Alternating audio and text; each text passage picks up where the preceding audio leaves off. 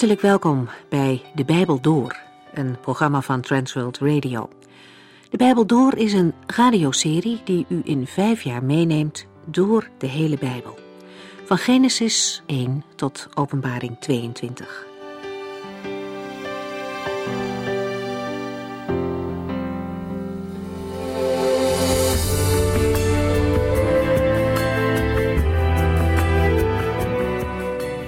Vandaag gaan we naar een korte terugblik verder in 1 Corinthiërs 4. De christenen in Korinthe waren stil blijven staan. Ondanks de tijd dat ze al christen waren, groeiden ze niet in hun geloof. Paulus maakt hier de vergelijking met het voedsel dat een baby krijgt.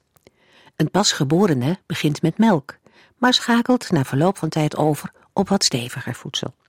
En zo werkt het ook bij christenen. Mensen die net zijn gaan geloven hebben behoefte aan dat geestelijke voedsel dat bij hen past. Daar groeien ze een tijdje van. Maar daar blijft het niet bij als het goed is. Na verloop van tijd is het belangrijk om steeds verder de diepte in te gaan. God heeft niet zomaar zoveel van zichzelf bekendgemaakt in de Bijbel. Het is de bedoeling om hem daardoor steeds beter te leren kennen. De Corinthiërs waren zo druk met hun onderlinge geruzie en gedoe dat ze geestelijk gezien niet groeiden.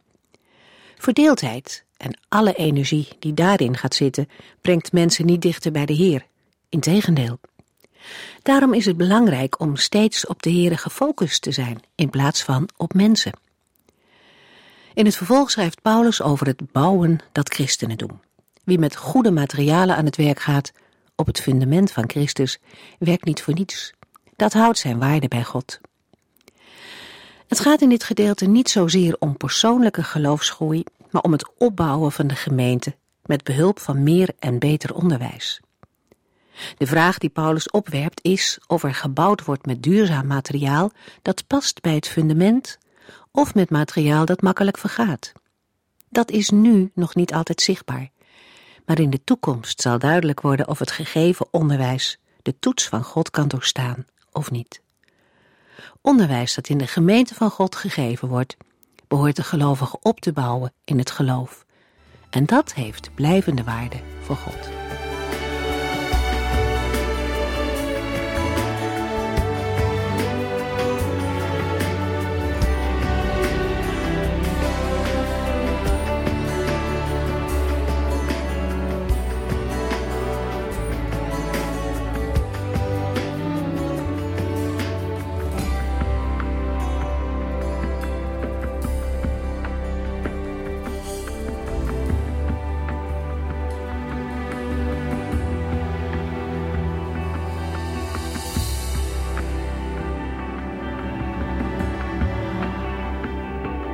De voorgaande hoofdstukken heeft Paulus iedere groepsvorming binnen de christelijke gemeente afgewezen. En duidelijk gemaakt dat hij en de andere apostelen geen partijleiders zijn, maar dienaren. Aan de andere kant moet Paulus voorkomen dat de Corinthiërs zich boven hem zullen gaan verheffen. 1 Corinthiërs 4 vers 1 U moet ons zien als dienstknechten van Christus, als beheerders van Gods geheimen. Vers 1 sluit aan bij het laatste vers van het vorige hoofdstuk. Zoals de gelovigen van Korinthe van Christus zijn, zo is ook Paulus van Christus. De apostel is dienstbaar aan de gemeente, maar hij is alleen verantwoording schuldig aan de Here.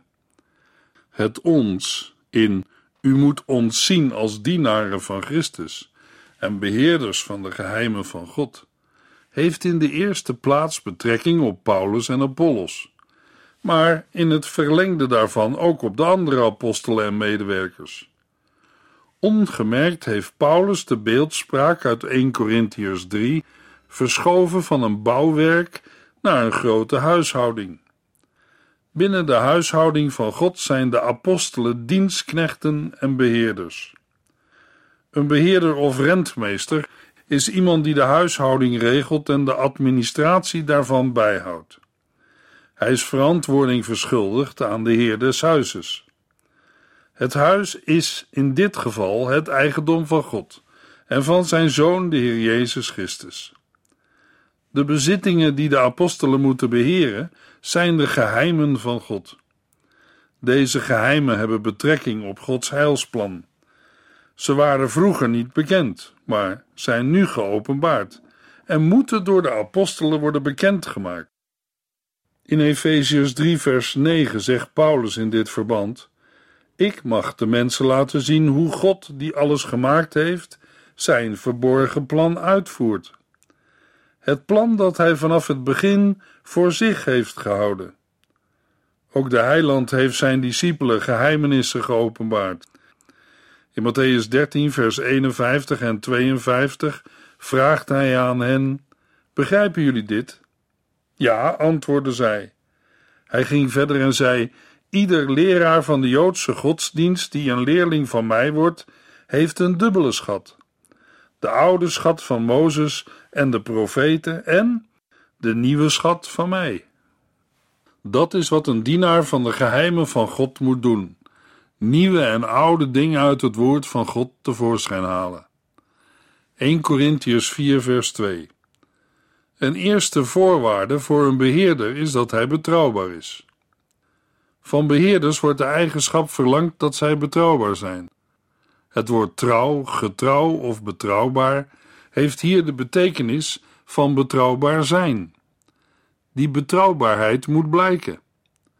De beeldspraak van de betrouwbare rentmeester of beheerder vinden we al bij de Heer Jezus zelf. 1 Corinthians 4, vers 3 en 4. Nu maakt het voor mij niet uit welk oordeel u of anderen over mij hebben. Ik heb niet eens een oordeel over mezelf, want al ben ik mij van geen kwaad bewust, de enige die mij kan beoordelen is de Heere. Zoals blijkt uit 1 Corinthians 9 vers 3, matigen sommige Corinthiërs zich een oordeel over Paulus aan. Naar hun mening is Paulus onvoldoende geschikt gebleken en heeft hij niet voldaan aan wat werd verlangd. Maar voor Paulus is zo'n oordeel van sommige Corinthiërs van weinig belang. Voor hem gaat het erom hoe hij op de dag van de Here door God zelf wordt beoordeeld. We zouden hierbij kunnen denken dat Paulus zich, enigszins arrogant, boven de Corinthiërs wil verheffen, maar dat is niet het geval. Paulus beoordeelt ook zichzelf niet, waarmee hij zegt dat elke beoordeling of zelfbeoordeling van het geweten in geen verhouding staat tot het komende oordeel van Christus. In het algemeen kunnen we zeggen dat de apostel in de versen 3 en 4 drie niveaus van beoordeling aangeeft. De eerste die hij noemt is het oordeel van anderen. Voor Paulus is zo'n oordeel van weinig belang. Hij verdedigde zijn apostelschap met grote inzet tegenover de critici. Vaak werd er wel iets over hem gezegd. Wij zouden zeggen dat er regelmatig berichten uit het roddelcircuit tevoorschijn kwamen. Verderop in 1 Corinthians 4, in de versen 11 tot en met 13, gaat Paulus er verder op in. Tot op dit moment lijden wij honger en dorst.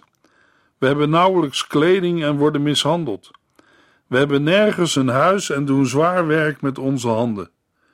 De mensen die ons uitschelden, wensen wij het beste toe. Vervolging verdragen wij geduldig.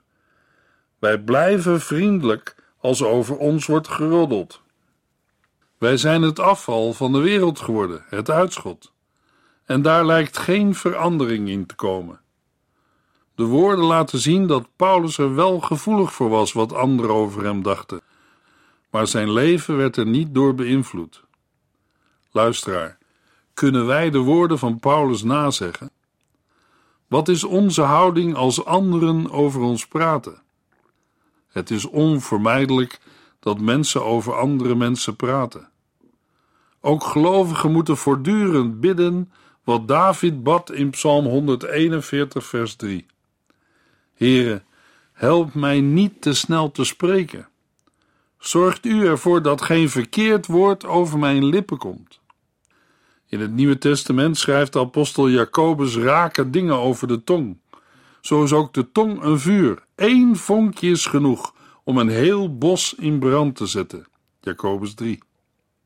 Het tweede niveau van beoordeling is het oordeel dat een mens over zichzelf geeft. Paulus zegt erover: Ik heb niet eens een oordeel over mezelf. Een gelovige moet zich door de geest van God laten leiden en niet door zijn of haar eigen geweten. Paulus zegt erover: Want al ben ik mij van geen kwaad bewust, de enige die mij kan beoordelen is de Heere.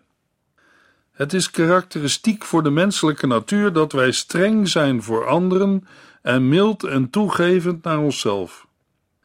Laten we ook maar niet denken dat het met ons wel meevalt. Ook wij zijn vaak snel met een oordeel over een ander.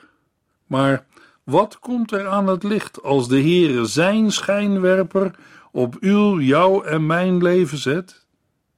Nee, wij kunnen onszelf niet objectief beoordelen, maar de Heere kan dat wel. Het brengt ons direct op het derde niveau van beoordeling.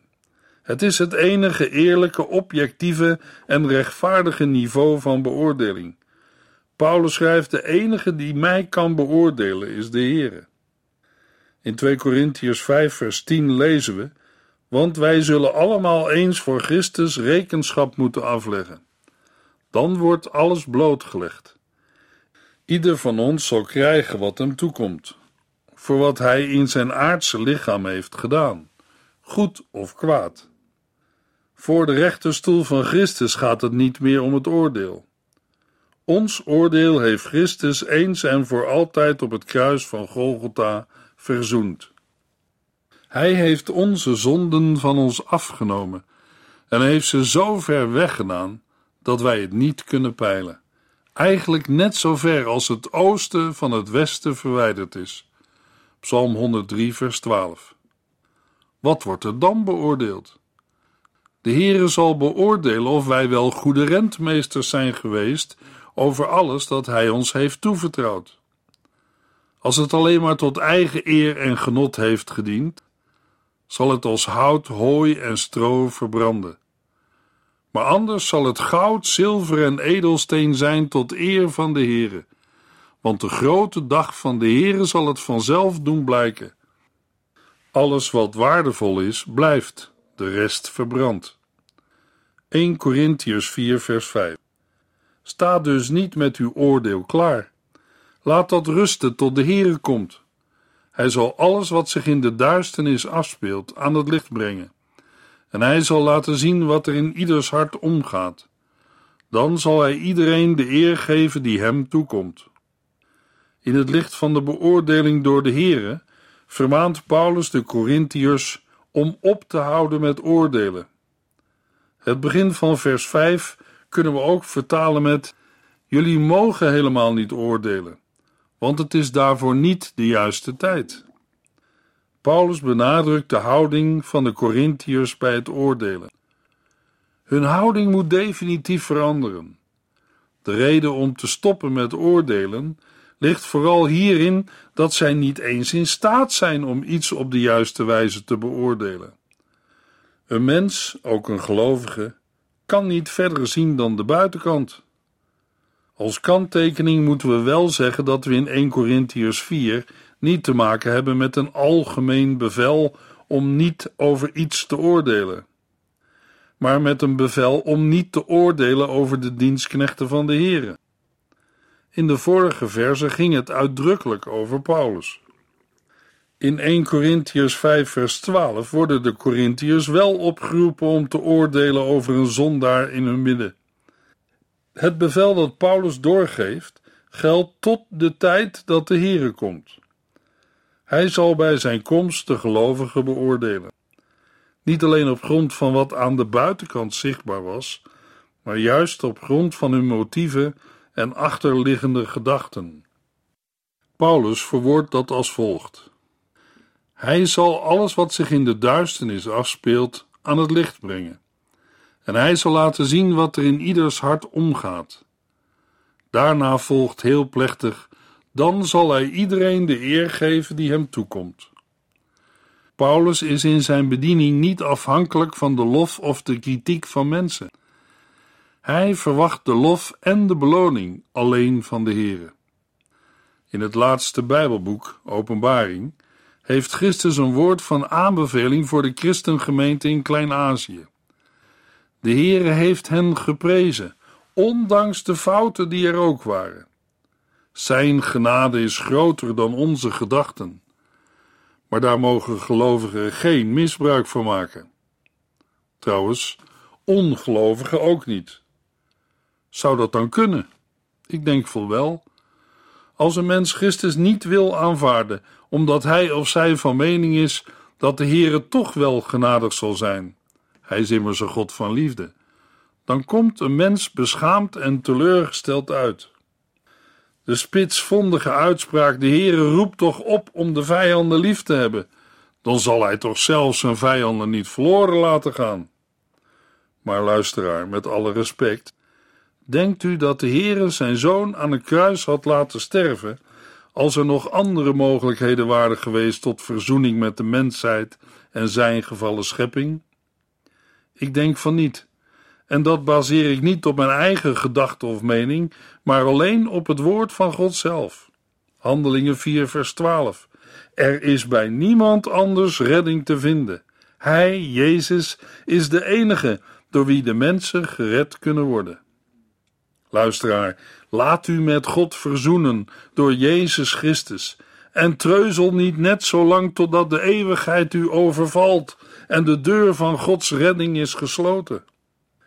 1 Corinthians 4, vers 6. Ik heb dit op Apollos en mezelf toegepast, vrienden, om u een voorbeeld te geven. Ik hoop dat u van ons leert om u te houden aan wat geschreven staat en om iets bescheidener te zijn. Door over de een hoog op te geven, doet u een ander tekort. Met deze woorden richt Paulus zich heel direct tot de gemeente. Hij spreekt hen aan met vrienden. Hij wil hen in liefde terechtwijzen. In het eerste gedeelte van vers 6 heeft de apostel het voorgaande toegepast, bij wijze van voorbeeld, op zichzelf en Apollos, opdat de Corinthiërs van dat voorbeeld zouden leren. Nu is het de beurt aan de Corinthiërs om in te zien dat zij zich ten onrechte hebben opgeblazen en om te leren bescheidener te zijn. Wat zij precies moeten leren wordt door Paulus aangegeven met de woorden: Ik hoop dat u van ons leert om u te houden aan wat geschreven staat. Daarmee bedoelt Paulus stellig het Oude Testament.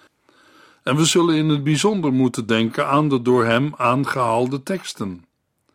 Het gaat daarbij steeds om waarschuwingen aan de in eigen ogen wijze mens. De Corinthiërs moeten zich deze vermaningen ter harte nemen en zich er niet boven verheffen. Concreet moeten de Corinthiërs iets bescheidener zijn, want door over de een hoog op te geven, doen zij een ander tekort. 1 Corinthiërs 4 vers 7 Wat maakt u beter dan een ander? U heeft toch niets van uzelf? Alles wat u hebt, hebt u gekregen. Waar beroemt u zich op? Met twee retorische vragen verwijt Paulus de Corinthiërs een gebrek aan zelfkennis, zelfoverschatting en een gebrek aan nederige dankbaarheid. 1 Corinthiërs 4 vers 8 en 9 U schijnt te denken dat u geestelijk al verzadigd bent. Als rijke koningen zit u op uw troon. Ja, was u maar koningen. Dan zouden wij samen met u regeren. Soms denk ik dat God ons, apostelen, de laagste plaats heeft toegewezen, als gevangenen die de dood in de armen lopen. Want in de arena van de wereld zijn wij een schouwspel geworden voor engelen en mensen. Wat een tegenstelling tussen u en ons. Na het verwijt van opgeblazenheid aan het adres van de Corinthiërs wordt Paulus ironisch. U schijnt te denken dat u geestelijk al verzadigd bent. Als rijke koningen zit u op uw troon. Het gaat erom dat de Corinthiërs inderdaad van mening waren dat zij het doel al bereikt hadden. De zogenaamde wijsheid die in Korinthe werd gepropageerd, lag in de lijn van de Griekse filosofie. Het hield in dat men zich niet richtte op de wederkomst van Christus, de toekomstige opstanding van de doden en het aanbreken van het Messiaanse vrederijk, maar alleen op het hier en nu ervaren van alle heilsbeloften van God. In de rijkdom van Gods genade en de gave van de Heilige Geest die zij hadden ontvangen, zagen zij het einddoel. Zij vonden dat ze daarmee al volmaakt waren geworden, verzadigd, rijk en heersend als koningen. Ten dele is dat waar, maar de volle openbaring van het koninkrijk van God, waarin de gelovigen met Christus als koningen zullen regeren, komt nog. Als werkelijk de dag van de Heere was aangebroken, de dag waarop de gelovigen de heerschappij zullen ontvangen, dan zouden ook Paulus en alle anderen hun aandeel hebben ontvangen in deze heerlijkheid. Maar zover is het nog niet. Het tegenovergestelde van die ironische opmerking is ook waar. Paulus en zijn mede-apostelen, onder andere Apollos, verkeren helemaal niet in een positie van eer en heerschappij. Paulus is nog steeds ironisch. De Corinthiërs moeten zich niet verbeelden dat zij het einddoel al bereikt hebben. Soms denk ik dat God ons, apostelen, de laagste plaats heeft toegewezen, als gevangenen die de dood in de armen lopen. Paulus kan hierbij gedacht hebben aan het beeld van de triomftocht van een Romeinse veldheer. Achter de parade van de generaal met zijn zegevierende troepen werd de buit meegevoerd met als laatsten de krijgsgevangenen, die veroordeeld waren om in de arena hun leven te beëindigen. Daarna roept Paulus inderdaad het beeld van de arena op, waarin de ter dood veroordeelden tot vermaak van de mensen op de tribunes zullen vechten op leven en dood. Het publiek bij dit schouwspel bestaat uit de kosmos. Hier wereldordening in de zin van heelal, universum. Wat Paulus namelijk met kosmos bedoelt, wordt duidelijk uit de toevoeging wij zijn een schouwspel geworden voor engelen en mensen. Zowel door de bewoners van de hemel als door die van de aarde wordt de strijd en het lijden van de apostelen nauwlettend in de gaten gehouden. Paulus spreekt hier uit eigen ervaring. Nog maar kort tevoren was zijn leven in Efeze zozeer in gevaar geweest dat hij in 1 Corinthians 15 vers 32 schrijft in Efeze heb ik bij wijze van spreken met de wilde beesten gevochten, op leven en dood. 1 Corinthians 4, vers 10 tot en met 13. Wij zijn dwaas ter wille van Christus, maar u bent verstandige gelovigen. Wij zijn zwak, maar u bent sterk. U staat hoog in aanzien, maar wij worden veracht. Tot op dit moment lijden wij honger en dorst. We hebben nauwelijks kleding en worden mishandeld. We hebben nergens een huis. Wij doen zwaar werk met onze handen. De mensen die ons uitschelden, wensen wij het beste toe. Vervolging verdragen wij geduldig. Wij blijven vriendelijk als over ons wordt geroddeld. Wij zijn het afval van de wereld geworden, het uitschot, en daar lijkt geen verandering in te komen. Om aan de Corinthiërs duidelijk te maken hoe ingebeeld en opgeblazen zij zijn, zet Paulus de ironische toon verder voort. Daarbij grijpt hij in principe terug op zijn opmerking in 1 Corinthiërs 1, dat de Corinthiërs, toen zij tot bekering kwamen, niet behoorden tot de grote denkers, invloedrijke en vooraanstaanden. Maar nu vinden zij zichzelf wel wijs, krachtig en voornaam. Daartegenover schrijft Paulus: Wij zijn dwaas ter wille van Christus. Hij bedoelt dat hij en zijn mede-apostelen in de ogen van de wereld dwaas zijn, omdat zij in hun prediking het kruis en de opstanding van Christus centraal stellen.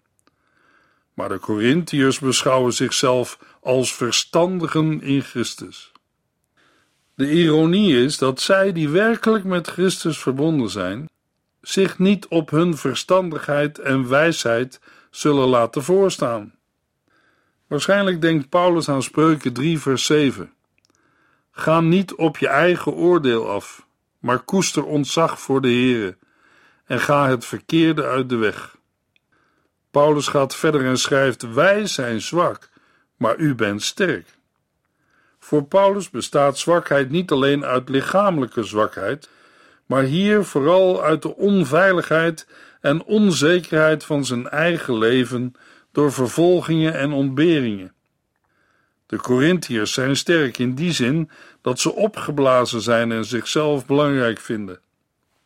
In dezelfde richting wijst: U staat hoog in aanzien, maar wij worden veracht. Van huis uit waren de gelovigen van Korinthe juist uit de minst geëerde bevolkingsgroepen afkomstig. Hun huidige eer bestaat voor een groot deel hierin dat zij zichzelf verheerlijken. Voor Paulus betekent het dienen van de Here juist het doorstaan van smaad en laster ter wille van de prediking van het evangelie. 1 Corinthians 4 vers 14 tot en met 21 Mijn beste vrienden, ik schrijf dit niet om u een gevoel van schaamte te geven, maar om u terecht te wijzen. Want al zijn er duizenden die u in Christus verder opvoeden, u hebt niet veel vaders. Ik ben uw geestelijke vader. Ik heb u het leven met Jezus Christus binnengeleid. Daarom smeek ik u, volg mijn voorbeeld. Daarom heb ik ook Timotheus naar u toegestuurd. Hij is voor mij als een eigen kind, een trouw dienaar van de Heere.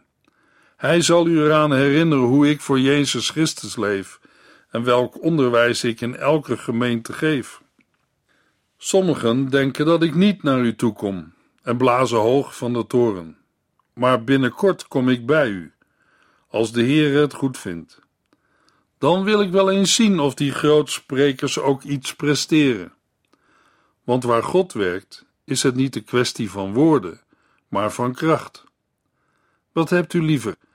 Dat ik met straf bij u kom of met liefde en zachtheid? Het blijkt dat het Paulus ernst is.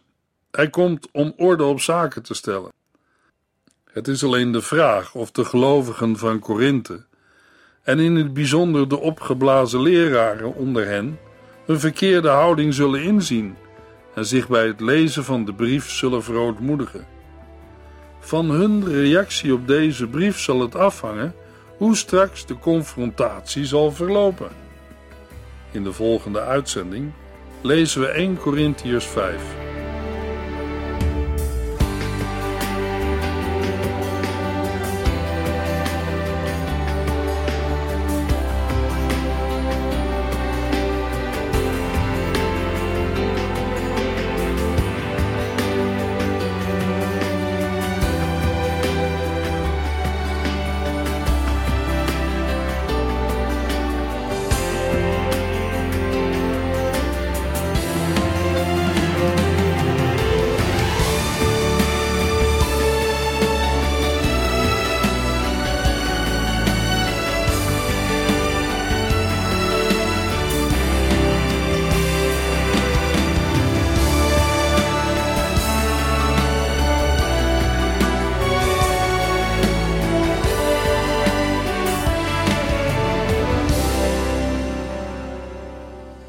Geluisterd naar De Bijbel Door. In het Nederlands vertaald en bewerkt door Transworld Radio. Een programma waarin we in vijf jaar tijd de hele Bijbel doorgaan. Als u wilt reageren op deze uitzending of u heeft vragen, dan kunt u contact met ons opnemen. Tijdens kantooruren kunt u bellen op 0342 47 8432. 0342 47 8432. 32. Ook kunt u een e-mail sturen naar de Bijbel door transworldradio.nl en natuurlijk kunt u ook via de post ons bereiken. TWR, postbus 371, postcode 3770, AJ in Barneveld. Dit programma werd gepresenteerd door Cor Weda en Ike André. Techniek was in handen van Odin van Woerdekom. En wij allemaal bedanken u voor het luisteren. Graag tot de volgende keer.